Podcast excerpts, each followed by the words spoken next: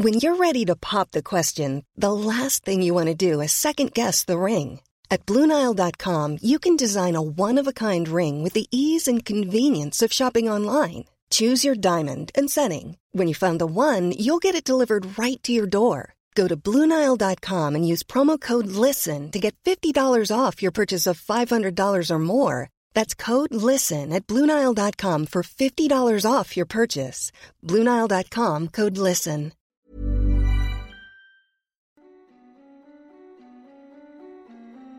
Hej och välkommen till Skräckstunden. En podcast för dig som älskar skräck.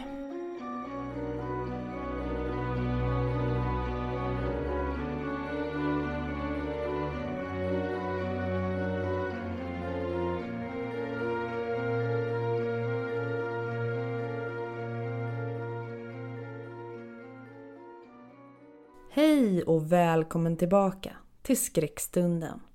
Den här veckan är en väldigt speciell vecka. Den innebär blod, svett och tårar för min del och mycket jobb, men det är det värt. Den här veckan ska vi nämligen ha skräckvecka, vilket innebär att jag kommer släppa ett avsnitt varje dag hela den här veckan. Som en liten sommarpresent eller sommarspecial till er.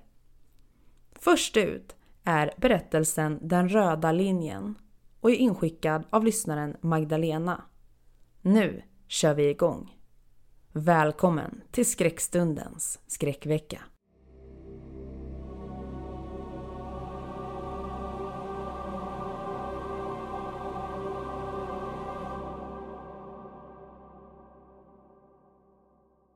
Jag var 16 år när jag först såg den. Den röda linjen. Något som liknade ett spikrakt penseldrag tvärs över villatröskeln. Min första tanke var såklart klotter. Förmodligen någon smaklös graffiti som ju redan täckte hela centrum. Men varför just vår villa? Och varför just tröskeln? Varsamt synade jag strecket från ända till ända och visst obehag kom att växa inom mig. Solstrålarna fick dess ilskna röda färg att skifta lite ljusstyrka precis som den glödde. Mamma! skrek jag oroligt. Men i samma stund som jag kommit upp i falsett började prassla i buskaget bredvid dörrens högra sida. Lövverket veks åt sidan och beredde vägen för en stor otäck orm med zigzagmönster. Den ringlade fram helt vinkelrätt in till linjens ena ände. Vad i helvete? Vad är det? frågar mamma otåligt. Jag pekade i riktning mot ormen, men den var borta. Den röda linjen fanns emellertid kvar. Men va? Det var en orm, sa jag förvirrat. Hennes panna rynkades likt ett dragspel när hon spärrade upp ögonen, som hon lika snabbt lät falla ner i en trött blick. Hon sneglade misstroget på mig. Det var säkert bara en snok, konkluderade hon, trots att jag envist vidmakthöll att det faktiskt varit en huggorm. När jag därefter förde linjen på tal fortsatte hon överslätande. Klotter bara. Strunta i det nu Jenny. Jag kör dig till skolan. Mamma lät stressad så jag lät det vara. Hon tog ett stadigt tag om min rullstol men till min förvåning drogs jag tillbaka in i huset. Hon stängde ytterdörren.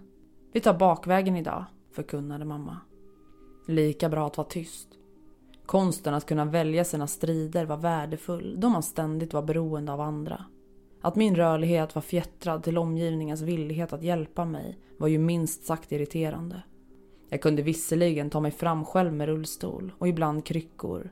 Men att sätta sig i fordon, duscha, på och avklädning och så vidare var ju en annan sak. Jag kunde säkert träna upp motoriken mer, men skolstressen hade kommit emellan. Mitt funktionshinder var ingen medfödd skada. När jag var två år hade farsan råkat tappa mig i trappan. Han hade alltid varit rätt klantig och disträ, vilket ibland ledde till farlig oaktsamhet. Ryggen hade skadats så illa att delar av nedre ryggraden hade pajat. Varken mamma eller jag har någonsin förlåtit honom. Dagbok 10 september 2017. Det har nu gått en vecka sedan jag först såg linjen vid tröskeln. Den har inte försvunnit utan snarare blivit tydligare, bredare, hotfullare. Men alla i familjen tycks vilja undvika ämnet. Obegripligt. De verkar inte ens anse att ett rött streck är värt att uppmärksamma. Men det känns så fel. Mamma som alltid varit så pedantisk kring huset och trädgården. Varför försökte hon inte ta bort den? Jag skulle gjort det själv om det inte vore för mina svårigheter att böja mig. Denna septembermorgon var det tänkt att brorsan skulle skjutsa mig till plugget. Han öppnade ytterdörren, la armarna i kors och såg uppmanande på mig. Försök själv nu, eller ska vi bara baxa runt på dig hela livet eller? Jag fnös. Visst kunde jag dra mig själv, men vanan att bli skjutsad, åtminstone av min familj, var så inrotad att det liksom hade blivit en självklarhet. Kanske hade jag blivit lite väl bekväm, erkände jag för mig själv. Jag greppade stolens däck och stötte ifrån. Men i samma stund jag korsade linjen blixtrade det till under hjulen. Som att jag hade kommit åt en stark elkabel. Rullstolen välte och jag föll baklänges. Din jättebebis, sa brorsan i ett besvärat suckande. Han hjälpte mig upp och backade bakåt, mot bakdörren. Jag höll tyst. Nu chockad och rädd. Dagbok 20 september 2017. Jag börjar bli rätt orolig. Idag såg jag den igen. Den röda linjen. I skolan. Mitt på matsalens tröskel bredde den ut sig som ett avspärrningsband. Samma scenario igen. Ingen annan än jag tycktes notera den då jag ensam stannade upp i kön. Otåliga elever skrek skällsord till mig men jag förblev orörlig. Kön klyvdes och eleverna valde att passera mig ömsom min vänstra och högra sida. Inga stötar utlöstes under deras fötter. Men mitt hårt bultande hjärta avrådde mig själv från att försöka. Jag ville inte riskera att jag, mot förmodan, skulle komma att utsättas för samma elchock som hemma. Smågrabbarna från sexan verkade tolka mitt udda beteende som en invit till att håna mig då de med breda flin tömde en halvfylld ketchupflaska över mitt huvud. Det var spagetti och köttfärssås idag, skitnice, men då måste man ju ha ketchup, eller hur? Billig eldorado ketchup rann ner för mina kinder i breda röda spår. Förnedringen gjorde visserligen ont, men frustrationen över att återigen bli stoppad av ett jäkla streck var värre. Jag måste ta reda på mer.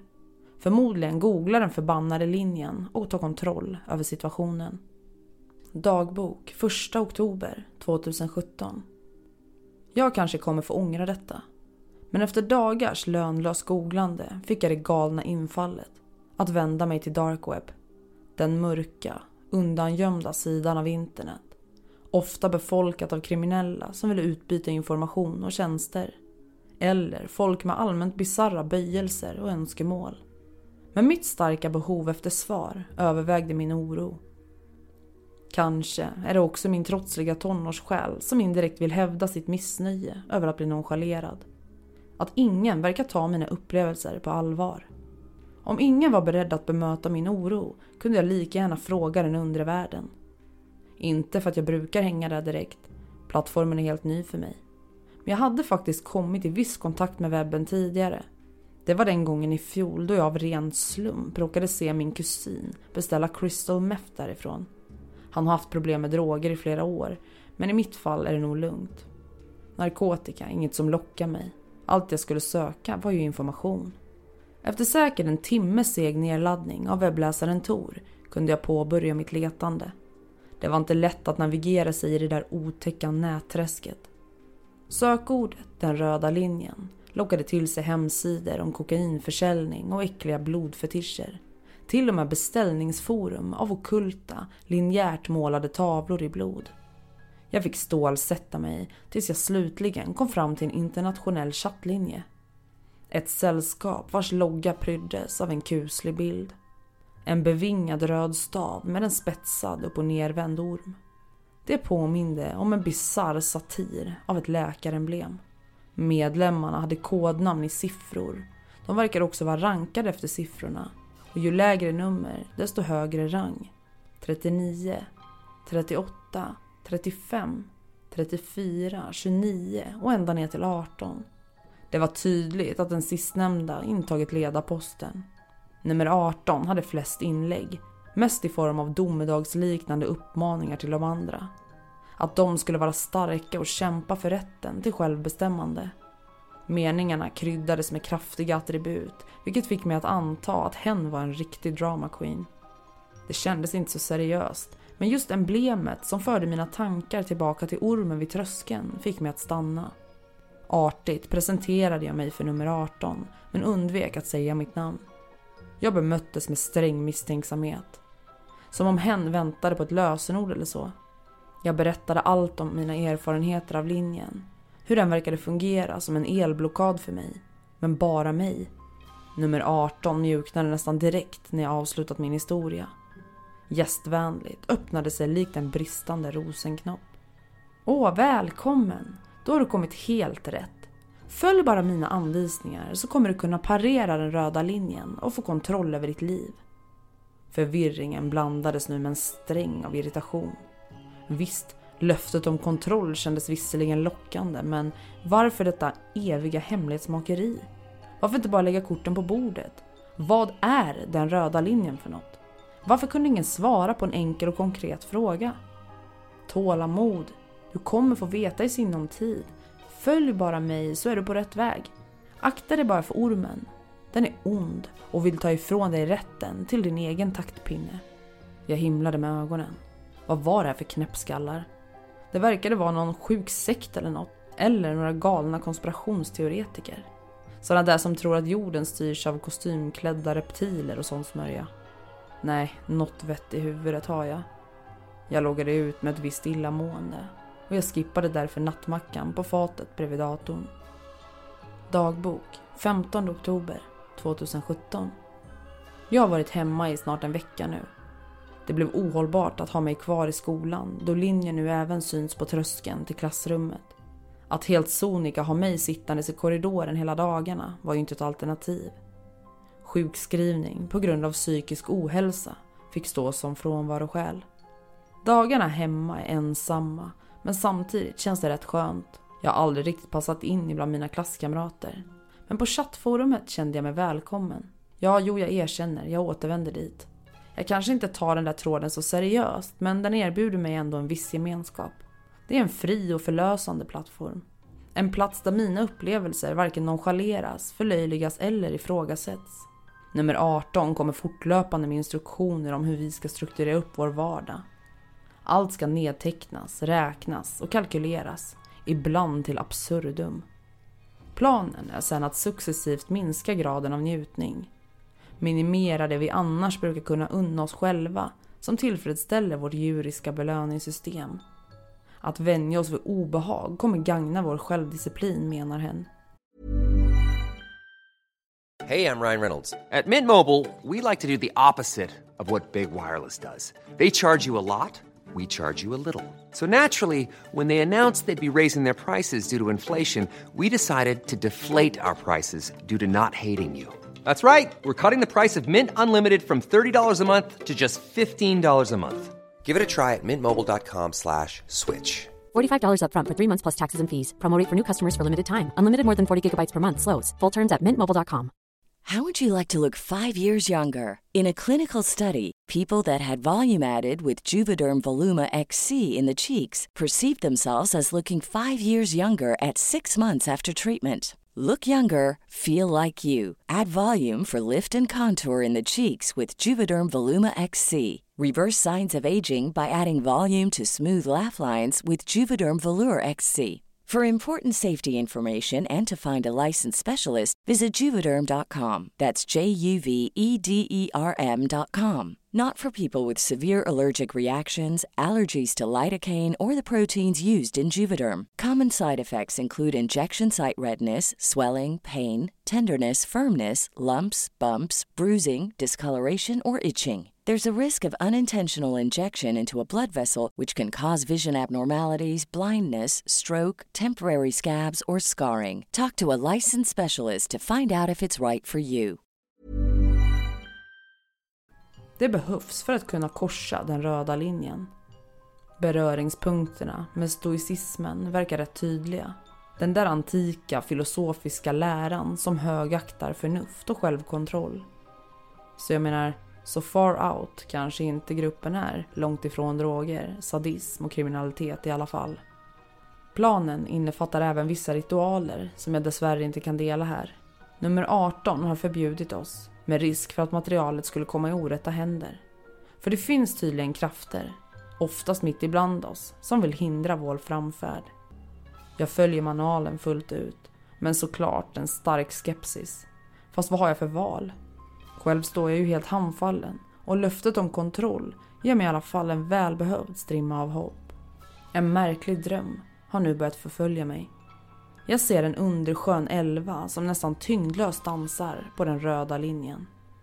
Hon bär en snövit, utsvängd klänning som slutar vid knäna. Blonda vackra lockar sveper runt hennes späda axlar medan hon lallar till Beethovens Fyrilis och Who 59. Samma melodi som brukar höras i gamla speldosor. Såna där lådor som man skruvar upp för att locket ska öppnas och uppvisa en roterande ballerina. Som i trans har jag försökt följa elvan, men bara efter ett fåtal steg med kryckorna hörs ett väsande ljud bakom mig och jag vaknar alltid kort därefter.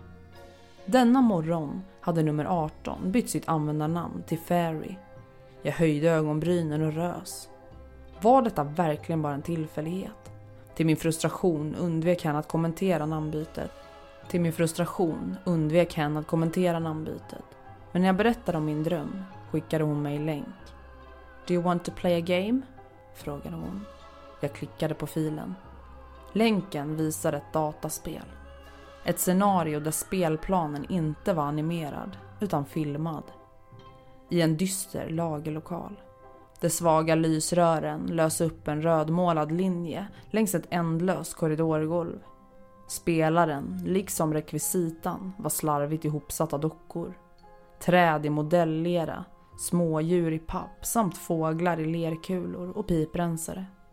Långt framför mig skymtade jag en blond Barbie-docka med vita fjädrar fasttejpade på ryggen.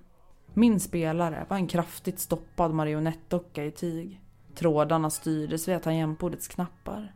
Det hela liknade ett helt bisarrt barnprogram från 70 eller 80-talet. Sådana som förmodligen skrämt skiten ur en hel generation. Instruktionerna var enkla. De löd. Styr spelaren med hjälp av tangenterna A, N och X. Följ elvan på den röda linjen. Ramla inte utanför. Då startar spelet om på nytt. Följ henne till elvans glänta, där belöning väntar. Akta dig för ormen bakom dig. Jag blev chockad. Hur kunde nummer 18 eller Fairy eller whatever ha hittat eller kanske till och med konstruerat det här? Detta var ju ett, om alltjämt barockt, försök att återskapa min dröm i spelform. Dagbok 1 december 2017. Idag vaknade jag redan klockan sex men har stannat inne på mitt rum hela dagen. Att kämpa med såväl dataspelet som den alltmer tidskrävande manualen upptar i stort sett hela min tid. Jag har länge försökt pressa Ferry på svar rörande spelet, utan resultat. Det var inte förrän jag hotade med att avsluta mitt medlemskap som hon mjuknade. Hon gav mig en ledtråd rörande ormen. Monstret som jag faktiskt aldrig sett face to face, varken i spelet eller i drömmen. Jag har bara hört. Den enda visuella bilden jag har är dess enorma skugga. Det är din reptilhjärna, sa Fairy föraktfullt. Den djuriska delen av dig, dina begär, din verklighet. Det som försöker hindra dig från att följa mig. Jag stannade på mitt rum ända fram till klockan 18.30 i tid med att morsan kom hem. Jag har lagat din favoriträtt, spagetti med köttfärssås, sa mamma inbjudande. Hon hjälpte mig över till köksstolen och jag betraktade min tallrik. Något var fel på den. Spagettin rörde på sig. Jag var tvungen att svälja en frän uppstötning då jag såg det. Maskar. Stora vitgula maskar krälade runt i en sörja av tomatkross och grovt nermalda djurrester. Möss och kycklingfoster. Små vita tänder lös i den rödbruna såsen. Ormmat. I någon sjuk bolognese-tappning. Jag skrek i protest, men mamma verkade inte förstå vad jag sa. Hon bara granskade mig med en sårad och orolig blick. Jag tog mina kryckor och stapplade fort upp för trappan igen. Otacksamma skitunge! Du förstör alltid stämningen nu för tiden. Hördes brorsans skarpa röst från köket. Dagbok, februari 5. Helvete, vad håller på att hända? Snälla Fairy, hjälp mig. Jag berättade om nattens dröm. Att jag i ren desperation hade försökt att attackera den ännu osynliga ormen med min vänstra krycka. Likt en sparkande hingst hade jag huggit kryckan bakåt. Jag hade mött visst mothugg, men ormen verkar inte ha reagerat på någon vidare smärta. Väsandet hade inte upphört. Jag gjorde ett kort uppehåll i berättelsen och ögonen tårades och jag fortsatte. Jag skrev hur jag i vaket tillstånd därefter funnit mig själv sittandes i hallen med mammas skrik bakom mig och hur jag i nattlinne har hållit i en av våra vassaste köksknivar. Att det stora familjefotot från hallväggen hade legat på golvet, sönderskuret. Jag hämtade andan och fortsatte skriva med en intensiv känsla av självförakt. Snälla Fairy, vad händer med mig? Jag skulle aldrig skada någon och allra minst min familj. Mina familjemedlemmar är ju rädda för mig nu och arga och det här är inte jag.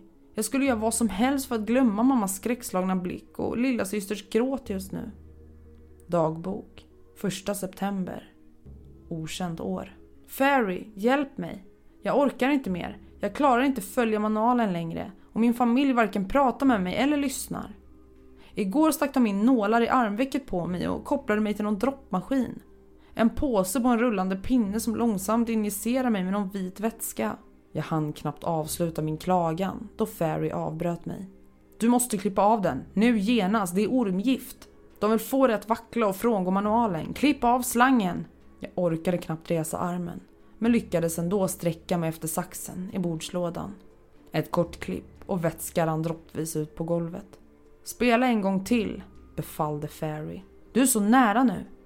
Hen skickade länken och jag började. Min spelare sprang nu haltandes fram på linjen med ormen hack i häl. Bara lite till, sa jag till mig själv. Lite till. Spelaren sprang förbi maskar i lera, pappdockor som liknade skrämda möss och pipande kycklingar i frigolit och tandpetare. Jävla psykospel! Fast jag var ju så nära nu. Men så efter säkert hundratals timmars spelande kunde jag äntligen ana en ljusglimt. Där, precis i dataskärmens högra hörn, kunde jag skymta en viss grönska. Konstgjort gräs. Små plastbuskar och fjärilar i sidenpapper. Hjärtat slog dubbelslag och mina fingrar började skaka av extas. Var detta Elvans glänta? Spelaren saktade ner och äntrade målet med nästan högtidlig lojhet. Den röda linjen tog slut intill en stor grå mur som alltjämt täckte hela skärmbakgrunden. Elvan försvann hastigt bakom den och ormens väsande upphörde. Men avlöstes nu istället av ett sorgsamt snyftande. Plötsligt zoomades kameran ut och spelets figurer krympte till leksaksformat. Allt kändes så mindre skrämmande nu när man såg hur figurerna i sin egentliga storlek, små och liksom harmlösa, min spelare verkar ha ersatts med mig själv. Den gråa massa jag tagit för mur var ingen mur. Det var en sten. Inte i lera eller papier-maché utan en riktig utplacerad mitt på fejkgräset. Och mitt ibland det taffliga skräp såg jag en kvinna. En riktig kvinna av kött och blod.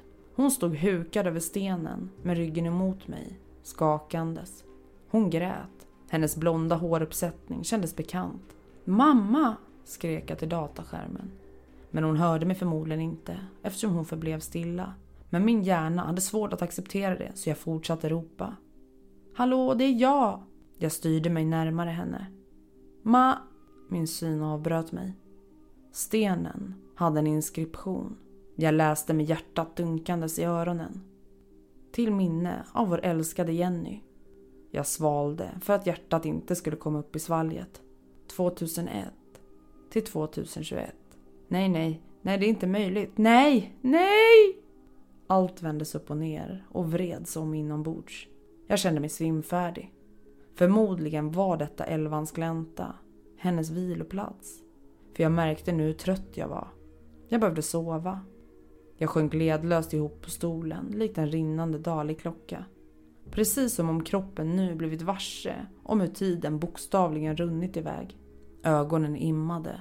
Men innan jag hann stänga blicken dök Elvans ansikte upp på skärmen. Så nära att hennes huvud nådde en omkrets större än mitt. Barbin, som jag kämpat så för att hinna ikapp, såg nu riktigt creepy ut så här nära. Men det otäckaste var inte den obehagliga inzoomningen, utan hennes ögon. Det pryddes nu inte längre av två blåa iris. De hade ersatts av ett par stirrande reptilögon med smala ovala pupiller och vaxgula vitor och hennes mun. Vad fan? Någon hade borrat ett stort hål mitt emellan hennes läppar. Som ett hungrigt svart gap. Jag höll andan. Och ur hålet föll en lång kluven tunga. Hon väste.